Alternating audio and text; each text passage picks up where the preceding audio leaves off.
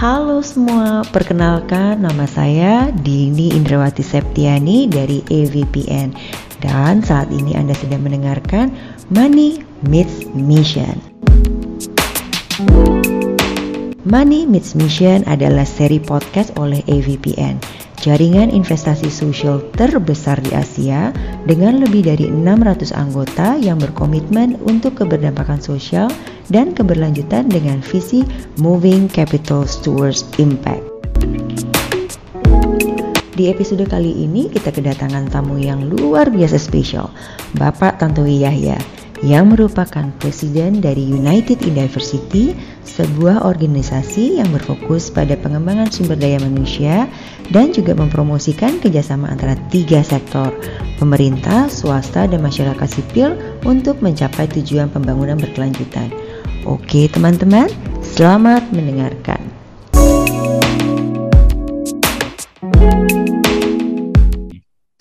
Wow, ini benar-benar mau masuk sebelum saya nanya Pak Tantowi udah uh, kurang lebih udah ngomong tentang better business and better world. Kalau boleh juga bagaimana sih sebenarnya menurut Pak Tantowi ini kita mendefinisikan bisnis yang lebih baik dan juga bagaimana hal itu juga dapat berdampak nih uh, pada dunia menjadi lebih baik lagi dari sisi UID. Ya sama-sama kita ketahui bahwa SDG itu sudah merupakan mandatori atau kewajiban ya yang uh, harus dikerjakan oleh global society ya mm -hmm. global society itu artinya ya dunia internasional mm. nah kita tahu bahwa uh, eh, SDGs ini akan membuat uh, impact di berbagai sektor uh, termasuk juga di dalamnya sektor ekonomi dan uh, sektor bisnis jadi penjagaan alam climate change yang kita jaga gitu itu bukan hanya uh, berdampak hmm. pada kehidupan kita, tapi juga akan berdampak pada sektor ekonomi dan uh, bisnis. Ya, nah uh, uh, bisnis yang uh, berorientasi pada uh, uh, pembangunan berkelanjutan itu saat ini sudah uh, sangat kuat ya dan uh, dia telah membuka begitu banyak uh, opportunity dan efisiensi dan hmm. juga uh, telah mendorong terjadinya banyak inovasi dan juga uh, tidak sedikit yang juga mendorong terciptanya reputasi yang dimiliki oleh lembaga maupun negara-negara tertentu. Nah, bisnis case untuk uh, pembangunan berkelanjutan ini adalah strategi kunci untuk mendapatkan uh, uh, dunia yang uh, lebih kuat dalam konteks untuk mencapai tujuan bersama. Nah, jadi hmm. pada dasarnya Dini prinsip dari yeah. Better Business Better World itu pertama kita membangun uh, dukungan untuk uh, tujuan global sebagai uh, strategi pertumbuhan yang uh, tepat. Makin banyak uh, pemimpin bisnis yang mengerti mengenai uh, bisnis yang berorientasi pada tujuan global, maka akan semakin cepat progres yang kita dapat untuk uh, menciptakan better business dan better hmm. world hmm. tersebut. Nah, jadi kuncinya itu adalah more business leaders ya yang uh, diharapkan mempunyai kesadaran yang sama. Hmm. Kemudian uh, kedua, kita mengincorporate tujuan-tujuan global menjadi uh, strategi bisnis ya hmm. atau strategi dari perusahaan. Jadi ke depan ini strategi bisnis atau perusahaan itu ya harus berorientasi pada tujuan global, tidak boleh uh, selfish gitu. Jadi hmm. apa yang dia produksi, apa yang dia lakukan itu harus dipikirkan dampaknya gimana. Jadi bisa saja uh, dia menemukan suatu produk yang laku banget gitu ya, atau suatu produk yang laku banget. Tapi kalau misalnya itu impactnya merusak lingkungan, ya, ya, ya harus dipikirkan kembali gitu ya, harus Betul. dipikirkan kembali. Nah, jadi uh, mengaplikasikan uh, tujuan global ini uh, ke se semua aspek uh, dari strategi bisnis kita uh, itu bisa kita lakukan dengan uh, pertama-tama itu uh, menciptakan uh, strategic planning dan hmm. inovasi untuk pembangunan berkelanjutan hmm. kemudian uh, memasarkan produk dan pelayanan yang menginspirasi konsumer untuk uh, ikut terlibat di dalam proyek uh, menjaga lingkungan. Kemudian menggunakan tujuan-tujuan dari SDGs itu untuk uh, para, para uh, calon-calon pemimpin ya di berbagai uh, uh, lingkup ya, terutama di uh, di bidang bisnis.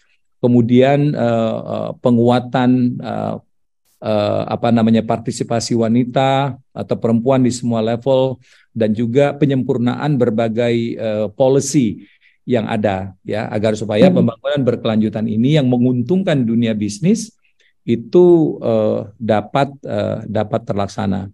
Nah kita hmm. di UID ini tidak tinggal diam, Din. Hmm. Jadi kami sudah menciptakan berbagai program uh, yang okay. bisa dimanfaatkan oleh uh, para stakeholders. Jadi kalau hmm. bekerja sama dengan UID itu nggak usah mikir-mikir lah, programnya sudah ada, tinggal kita manfaatkan dengan sebaik-baiknya, ya.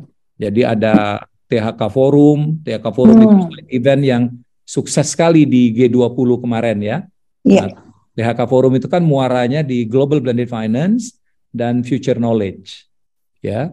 Kemudian UID Talk Partners hmm. Gathering, eh, UID Talk sorry. Terus ada Partners Gathering.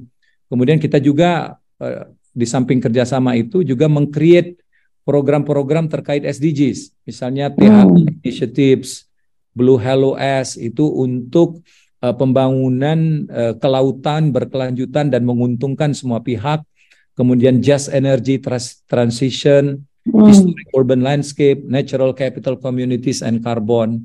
Dan kita juga menciptakan program yang berkaitan dengan kepemimpinan.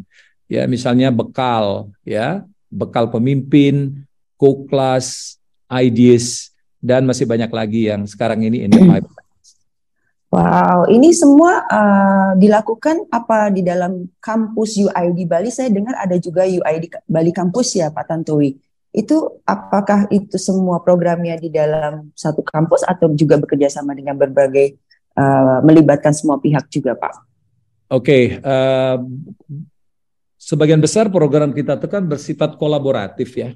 Ada yang dengan MIT, ada yang dengan Tsinghua, ada yang dengan Packard, ada yang dengan Ford Foundation, ya e, banyak ya.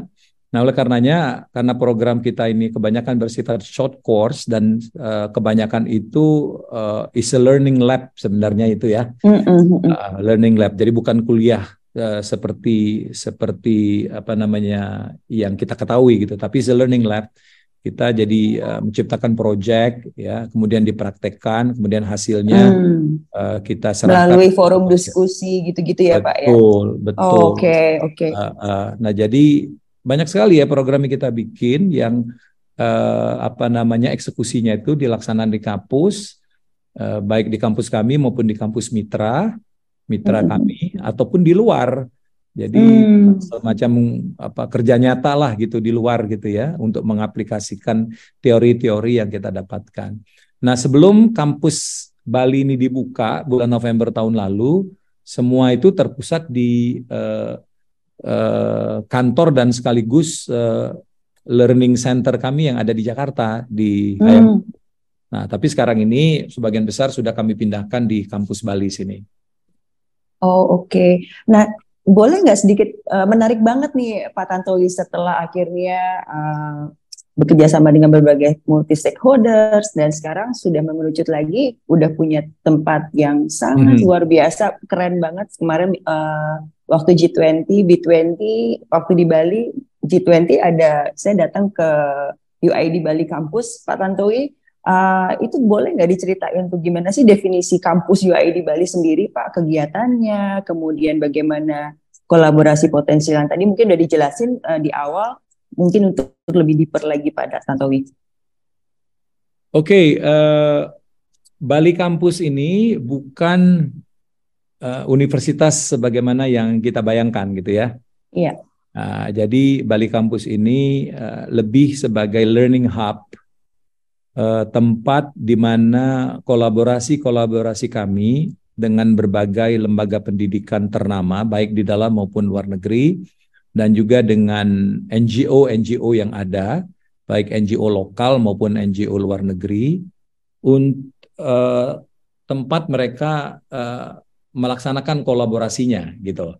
Jadi uh, eh, UID Bali Campus ini terdiri dari ruangan-ruangan ya dari yang kapasitasnya kecil sampai yang sifatnya auditorium yang bisa dipergunakan untuk kegiatan-kegiatan learning uh, kolaborasi kami dengan berbagai pihak tersebut. Uh, kampus kami ini dari uh, gedung seluas 10.000 meter ini menem kami mengambil area kurang lebih 5.500 meter yang kami lihat sekarang ini sudah sangat memadai untuk uh, mengakomodasi kepentingan-kepentingan uh, kami tersebut.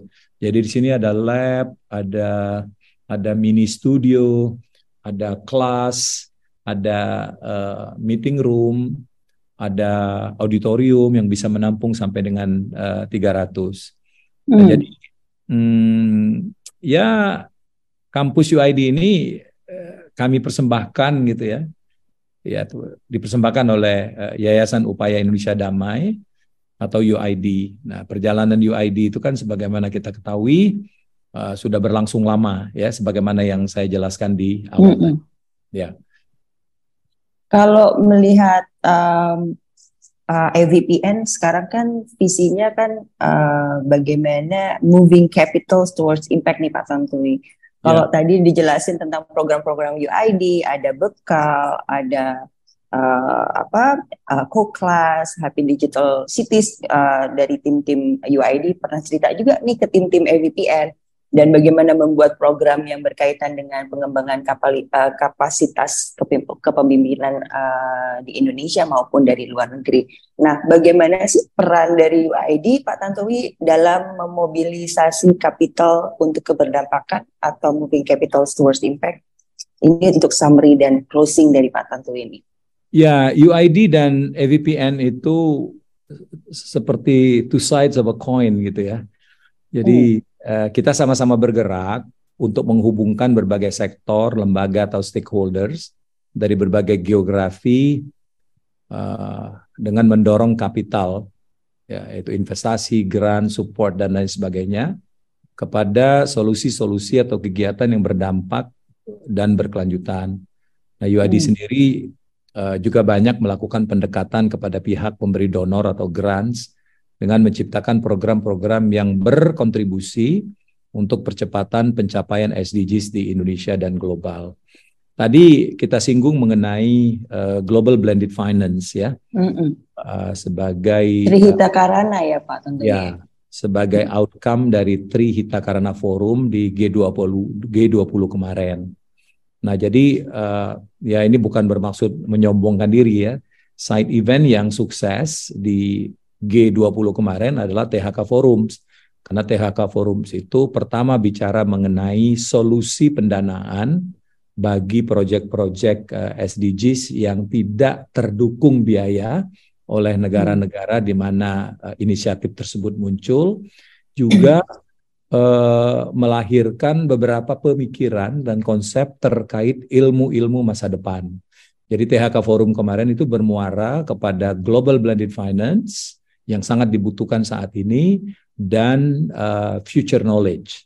Nah, future knowledge itu adalah sesuatu yang tidak bisa kita hindari kan Dini. Jadi ilmu pengetahuan itu kan terus uh, berkembang uh, baik di bidang kesehatan, di bidang sosial kemasyarakatan, apalagi di bidang digitalisasi itu terus berkembang. Lima tahun yang lalu nggak ada orang bicara mengenai genomics Hmm. Tiba-tiba sekarang ada genomics dan semakin lama semakin uh, populer ya. Kemudian AI ya. AI itu semakin lama semakin canggih. Bahkan uh, jika salah dipergunakan AI ini bisa menciptakan kegelisahan di masyarakat. Uh, kan kita udah banyak contoh seorang kepala negara tidak ngomong begitu hmm. bisa dibuat ngomong begitu gitu loh dengan menggunakan stok suara hmm. yang ada jadi buat sedemikian rupa seolah-olah dia menyampaikan itu padahal tidak pernah sama sekali. Nah, ini kemajuan AI itu sudah sudah sampai uh, setinggi itu. Nah, ini kan harus kita antisipasi. Nah, penjelmaan dari itu uh, di kampus kami di sini, di samping kampus sebagai learning hub, juga akan dikelilingi oleh uh, lab-lab, kemudian uh, Center of uh, Digitalization, kemudian uh, apa namanya itu artificial intelligence, Jadi kampus ini benar-benar menjadi kampus yang hidup karena kampus hmm. akan dikelilingi oleh oleh unit-unit ya yang akan mendukung penjelmaan atau penselarasan lah ya dari ilmu-ilmu baru itu.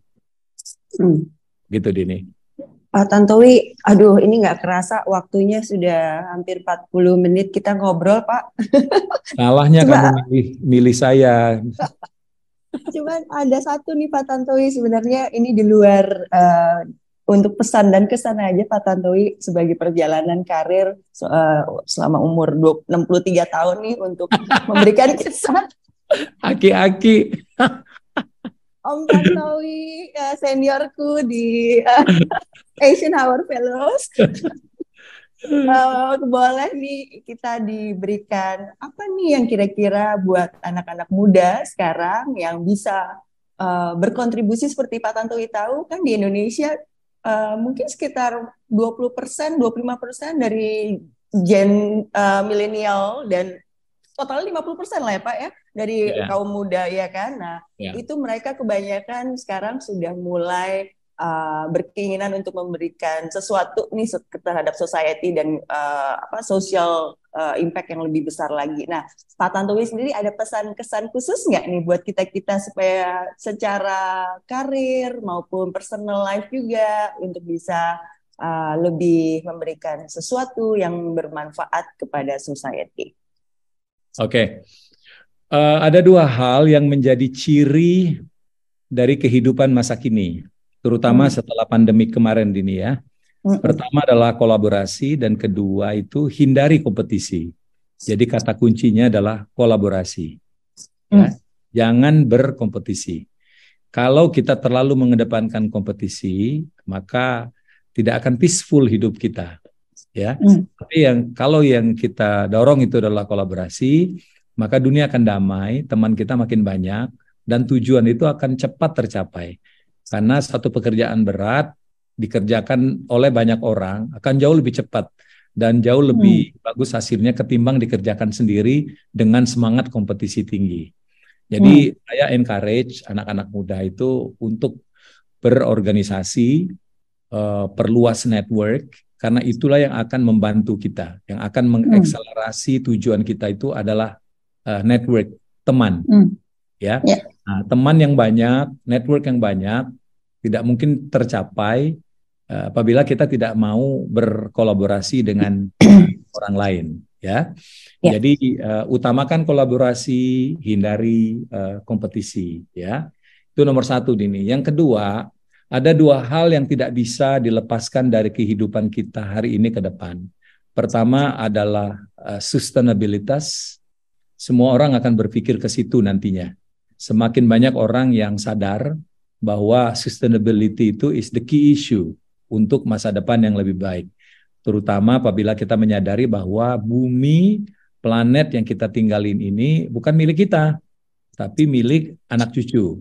Nah, kewajiban kita adalah mewariskan planet yang sama baiknya, at least sama baiknya dengan kondisi sekarang. Nah, apabila tidak bisa lebih baik, ya. Oleh karena itu semua bisnis itu nanti akan berorientasi kepada sustainable yang akan mm dibeli oleh buyer itu adalah produk-produk yang menganut uh, konsep mm. sustainability. Produk-produk yang dibuat dengan merusak alam, terus tidak fair trade, ya, tidak menjaga budaya, itu nggak bakal dilihat. Walaupun produknya bagus, dunia itu akan ke situ, ya. Nah, yang kedua yang tidak bisa kita hindari itu adalah digitalisasi. Mm. Ya, dunia ini akan semakin uh, digitalize disrupsi akan terjadi di semua bidang. Ya. Hmm. Sekarang di Cina itu orang udah biasa banget tuh naik taksi yang tanpa supir coba. Hmm. Nah, dan taksinya bisa ngindarin uh, mobil, terus kalau darang nyebrang jalan dia berhenti, lampu merah dia berhenti, dan nyetirnya bagus sekali. Siapa yang pernah kebayang kayak gitu? Hmm. Ya. Jadi jangan kaget nanti di ini kalau kita terbang berapa tahun lagi tuh pilot, pilotnya nggak ada din. Aduh, deg-degan. Ngebayanginnya ya saya udah sport jantung nih Pak. iya. Jadi jadi di dikendalikan dari eh, kontrol sistem aja mau ke mana oh, gitu. Iya, iya. Ya, bisa itu, aja. Taksi hmm. bisa kok. Iya iya iya. Itu menjadi satu pertanyaan menarik juga sih Pak. Kayak di film-film ya Pak. Akhirnya kan. Iya. Uh, gitu Din.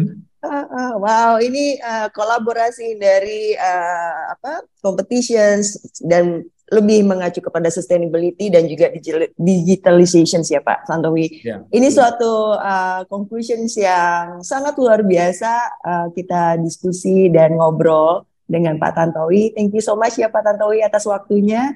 Terima ah, kasih Dini, terima kasih untuk undangannya. Iya, salam sehat selalu. Kemudian uh, selamat menikmati nanti bulan Ramadan dan ke depannya. Terima kasih Pak Tantowi. Hai, makasih. Bye. Assalamualaikum. Waalaikumsalam.